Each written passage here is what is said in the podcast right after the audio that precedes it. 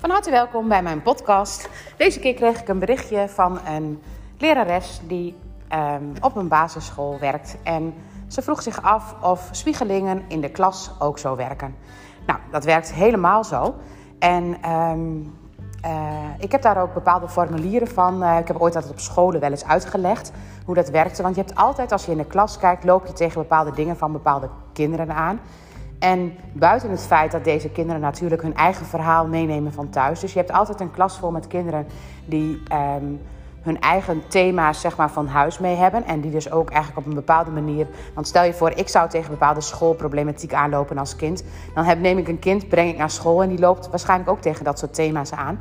Dus buiten het feit dat je allemaal kindertjes in de klas hebt die hun themaatjes meenemen, oftewel hun koffertjes meenemen van huis is er altijd een mogelijkheid om dat stukje ook te vertalen naar jezelf. Dus gisteravond gaf ik een lezing in Erika en ehm, bij een kinderdagverblijf. En daar gaan natuurlijk ook al die kinderen komen met allemaal rode auto's, zoals ik noem. Ik zal zo nog even uitleggen hoe die rode auto's werken. Maar ze nemen allemaal hun rode auto's van huis mee. En soms is het dan belangrijk om te kijken of je weet wat een rode auto is.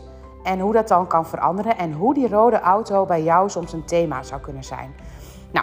Wat ik gisteren als thema had, en ik denk dat dat in dit geval wel een leuke uitleg zou kunnen zijn, is um, nou, niet iets wat je hopelijk tegenkomt op de basisschool, maar wat wel een thema is, zeg maar, uh, wat gisteravond een thema was.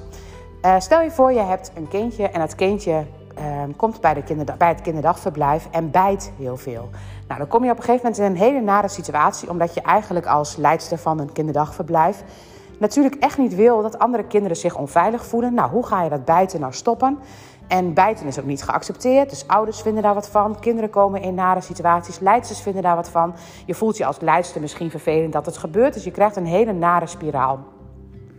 Nou, allereerst is het goed om te kijken bij zo'n kindje van waarom bijt dit kindje? Waarom bijt dit kindje van zich af? En wanneer bijt dit kindje van zich af? Want eigenlijk Kijk je naar ons brein, dan gaan we op momenten dat we ons onveilig voelen reageren met een vechten, een vluchten of een verstarren. Oftewel, op het moment dat jij je onveilig voelt, ga je reageren alsof je in een overlevingsstand moet en iets moet doen om de overleving te waarborgen. Dus dit kindje voelt zich blijkbaar onveilig en heeft het gevoel dat hij zijn overleving moet gaan waarborgen of dat hij een bepaalde positie moet gaan maken in dit geval zeg maar, hebben we hier naar een verhaal gekeken, zeg maar, wat er eventueel aan de hand zou kunnen zijn. En dat gaat het soms om bijvoorbeeld cultuurproblematiek en uh, mannen, vrouwen, zeg maar, zit soms een thema. Maar het gaat ook bijvoorbeeld om, durf je van je af te bijten of durf je niet van je af te bijten. En stel je voor, je hebt als leidster een thema dat je heel erg van jezelf af kunt bijten. Dan zie je hem bijten en dan wil je misschien ook wel van je afbijten. Maar andersom, dat komt natuurlijk veel meer voor. Stel je voor, jij durft niet van jezelf af te bijten. Je vindt, het, je vindt daar wat van. Als ik daar wat van vind, dan heb ik daar een probleem. En als ik daar een probleem heb, dan ga ik automatisch daar anders op reageren. Hoe werkt dat? Nou, het moment dat ik um, een kindje heb die gevallen is en het kindje heeft bloed. En ik kan helemaal niets met bloed overweg. Dan ben ik de alleronhandigste persoon die op dat moment dat kind moet troosten. Want eigenlijk wil ik dat bloed gewoon niet. Ik kan daar niks mee. Dus ik reageer daar onhandig op. En stel je voor, ik zou mijn bloedthema hebben opgelost. Dan valt zo'n kindje. En dan ga ik daarop reageren op een liefdevolle manier. Als een moeder voor een kind, bij wijze van spreken. Dan zal ik misschien um, ga ik handelen, dan, ga ik liever, dan zie ik alles omdat ik gewoon rustig kan blijven. Omdat ik zelf niet in het overlevingsbrein ga. Dus kijk je naar dit bijtgedrag, dan is het belangrijk om eens even te gaan kijken van, goh, weet je, dit kindje bijt. En waarom bijt dit kindje? Wat is hier de vecht, vlucht, verstarreacties? Dus wat is bij dit kindje de kern waarom een kindje tot bijten komt? En daarnaast, wat vind ik zelf van bijten? Want stel je voor, ik vind bijten echt niet te doen. Ik vind bijten echt verschrikkelijk stom. En ik vind bijten ook, eigenlijk vind ik ook dat bijvoorbeeld die andere leidsters het hadden moeten zien. Dan heb je allemaal thema's die door elkaar gaan lopen. Waardoor dat bijtgedrag alleen maar meer onveiligheid gaat bieden. Want stel je voor, ik raak in paniek van bloed. Dan reageer ik zo onhandig naar mijn kind. Dat ik op dat moment zeg maar eigenlijk mijn kind alleen maar meer het gevoel geef dat hij nog meer in paniek zou moeten raken. Oftewel, als ik als leidster tegen een kind zeg: Jij mag niet bijten. en ondertussen wil ik hem er wel een klap voor verkopen, want ik denk van potverdorie, je gaat toch niet bijten.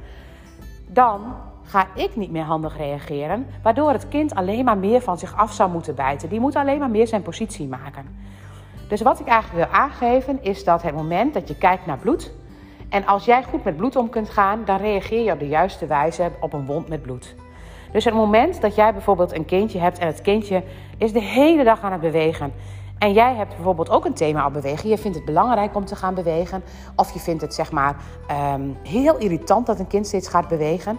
Dan snap ik heel goed dat het kind een probleem heeft met het bewegen. Dus ik bedoel, net als dat kind dus eigenlijk niet hoort te bijten. Maar wat doet dat bewegen met jou? Dus kijk steeds, wat doet dat met mij? Dus stel je voor, ik heb hier een kindje en dat kindje dat luistert helemaal niet naar de ouders. Dan, en ik irriteer me daaraan, dan irriteer ik mij. Dus dan is het eigenlijk al een signaal dat het iets met mij doet en dat het iets in mij wakker maakt. En als het iets in mij wakker maakt, reageer ik onhandig. Dus het is belangrijk om te kijken naar de thema's waar je dan tegenaan loopt bij kinderen. Wat doet dat met mij? En als je het dan zou willen vertalen, dan is het belangrijk om te gaan, of belangrijk, ik hoor mezelf steeds belangrijk zeggen, maar is het goed om te kijken van, ehm, als je een zinnetje zeg maar daarvan pakt, van goh, dat ehm, uh, ik heb een kind in de klas en dat kind beweegt heel erg veel. En dat werkt mij op de zenuwen of dat werkt, leidt andere kinderen af. Ik zeg maar wat. Dan heb jij een kind in jouzelf. Dus dan ga je dat zinnetje ga je allemaal ik neerzetten. En ik heb een kind in mijn klas, dus ik heb een kind in mijzelf. Die steeds wil bewegen en dat leidt de andere kindsdelen af. Dus eigenlijk zou het dan bijvoorbeeld kunnen zijn dat jij een kindsdeel in jezelf hebt die je eigenlijk ook niet de hele dag rustig en stil zou kunnen zitten. En dat kindsdeel heeft het ook nodig om te bewegen, net als dat het kind misschien het heeft. En als jij dan steeds probeert jou te temperen in de beweging, dan ga je dat zeg maar projecteren op dat kind. En niet dat het kind dan meteen dat verandert, maar het moment dat jij beter kan omgaan met die onrust van dat kind. Alsof het bloed is, een wondje met bloed, zeg maar, en dat je daarop gaat reageren. Dat kind heeft dan nog steeds wel een probleempje. Alleen jouw reactie is dan anders, waardoor er ook weer een andere tegenreactie gaat komen.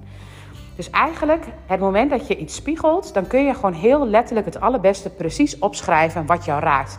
Ik heb hier ook wel situaties dat ik denk van nou, wat hier, hiermee moet, dat weet ik niet.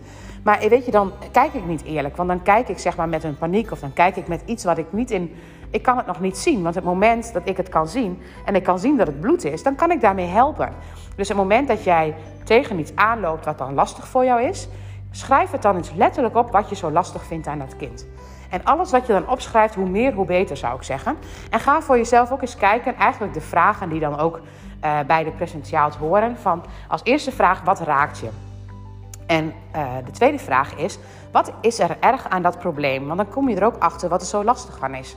En wanneer is dit probleem ontstaan? Nou ja, misschien altijd al wel, dat zou heel goed kunnen. Maar soms komt er echt een kenteringmoment dat je echt denkt van, oh, dat was toen. En wat geeft verbetering en wat geeft verslechtering? En wat wens je, je kind, dat kind toe, zeg maar? Wat wens je dat kind toe? Nou, en op het moment dat je dat gaat vertalen, ga je al die zinnen, ga je ik neerzetten. Dus in plaats van dat kind is onrustig, ik ben onrustig. En in plaats van dat kind is elke keer zo brutaal, ik ben brutaal. En vaak alles wat je opschrijft van ik ben brutaal bijvoorbeeld, dan zou ik tegen de ouder zeggen, of tegen dus een leerkracht, durf je wel brutaal te zijn. Want eigenlijk ben je dus te weinig brutaal. Je drukt dat weg, waardoor je uiteindelijk niet tegen kinderen kunt die brutaal zijn. Of niet tegen kinderen die kunt die onrustig zijn. Omdat je het bij jezelf dat gevoel steeds wegdrukt. Dus het moment dat ik bijvoorbeeld boos ben en ik zou bijvoorbeeld mijn boosheid wegdrukken. Dan word ik van binnen een boze bom omdat ik steeds mijn boosheid wegdruk. Dus eigenlijk is het belangrijk om die zinnen te pakken en dan steeds bepaalde stukjes zeg maar, te vertalen naar ik ben onrustig. En soms denk je van ja, maar dat ben ik helemaal niet. Nee, misschien ben je het niet. Maar diep van binnen dan, hoe onrustig ben je eigenlijk diep van binnen? Het geeft altijd een vertaling van iets wat jij te weinig doet. En het moment dat je dan het antwoord kunt vinden. En soms is dat echt heel gek. Want soms dan gaat het bijvoorbeeld: mijn kind is temperamentvol. Ik ben temperamentvol. En ik vind zelf ook dat ik temperamentvol ben. Maar stel je voor, ik zou maar de helft van mijn temperament laten zien. Dan laat ik niet al mijn temperament zien. En dan moet mijn kind nog extra temperamentvol zijn. Om dat extra stukje wat ik elke dag maar weer verstop te laten zien. Dus er zit altijd een kant in die je te weinig laat zien. Dus hetgeen wat een kind in de klas spiegelt, is iets wat bij jou raakt, iets wat jij ook hebt, maar iets wat jij er te weinig laat zijn. En natuurlijk ben ik dan nu heel benieuwd hoe dat, um, hoe dat, wat voor thema's er dan naar boven zouden kunnen komen. En wat je dan verder zou kunnen kijken van als je dan kijkt bijvoorbeeld naar onrust en je zat, je, het gaat over zeg maar, dat je dus eigenlijk een kind heel onrustig vindt in de klas. En je komt tot de conclusie dat jij eigenlijk ook een onrustige deel hebt die meer zou moeten bewegen. Dan is het belangrijk om te bedenken van, maar wat is dan toch voor mij de reden dat ik dat niet doe? Want je kunt prima een keer een rondje gaan lopen bij wijze van spreken. Maar waarom is het dan iets wat je niet doet? Nou, vaak omdat je op een bepaald moment hebt geleerd dat je dat niet mag of dat je dat niet het goede voorbeeld is. Er zit vaak een thema onder dat je besloten hebt om dat niet te gaan doen. En juist dat besluit om het niet te gaan doen, dat zorgt heel vaak voor. Ehm, kijk, als ik nu, uh, ik ben nu aan het werk en het moment dat ik zeg maar nu het gevoel heb dat ik even een rondje moet lopen, maar er komt zo een nieuwe patiënt, dan kan ik niet zomaar weg. Maar het gevoel is er wel. En daar moet ik eigenlijk wel gehoor aan geven. Want als het de hele dag zo is, dan word ik op een gegeven moment onrustig in mezelf. Omdat ik een bepaald gevoel van ik wil graag bewegen heb weggedrukt. Dus het blijft altijd wel aanwezig. Dus eigenlijk laat een kind waar je tegenaan loopt iets zien wat in jou leeft, wat jij te weinig leeft. En op het moment dat je dat kunt zien, dan kun je in elk geval zorgen dat jij degene bent, ondanks dat die kinderen ook al hun koffertjes meenemen, maar dat jij degene bent die om kan gaan met het bloed van deze kinderen. Dat bedoel ik eigenlijk. Het moment dat een kind valt en je gaat erop reageren, stel je voor je bent bang voor bloed, reageer je onhandig. Maar op het moment dat je er wel mee om kunt gaan, dan ga je als een lieve moeder reageren daarop, of als een lieve juf. En het moment dat je voor jezelf weet van, hé, hey, dit kind heeft, heeft dat en dat moet ik zien als bloed en ik kan daar nog niet goed mee omgaan, dan mag ik leren om daarmee om te gaan. Dan hoef je geen grootste studies voor te hebben, maar meestal is het gewoon dat gevoelen laten zijn in plaats van het steeds weg te drukken. Nou, een heel verhaal en ik hoop dat je er iets aan hebt. Dankjewel.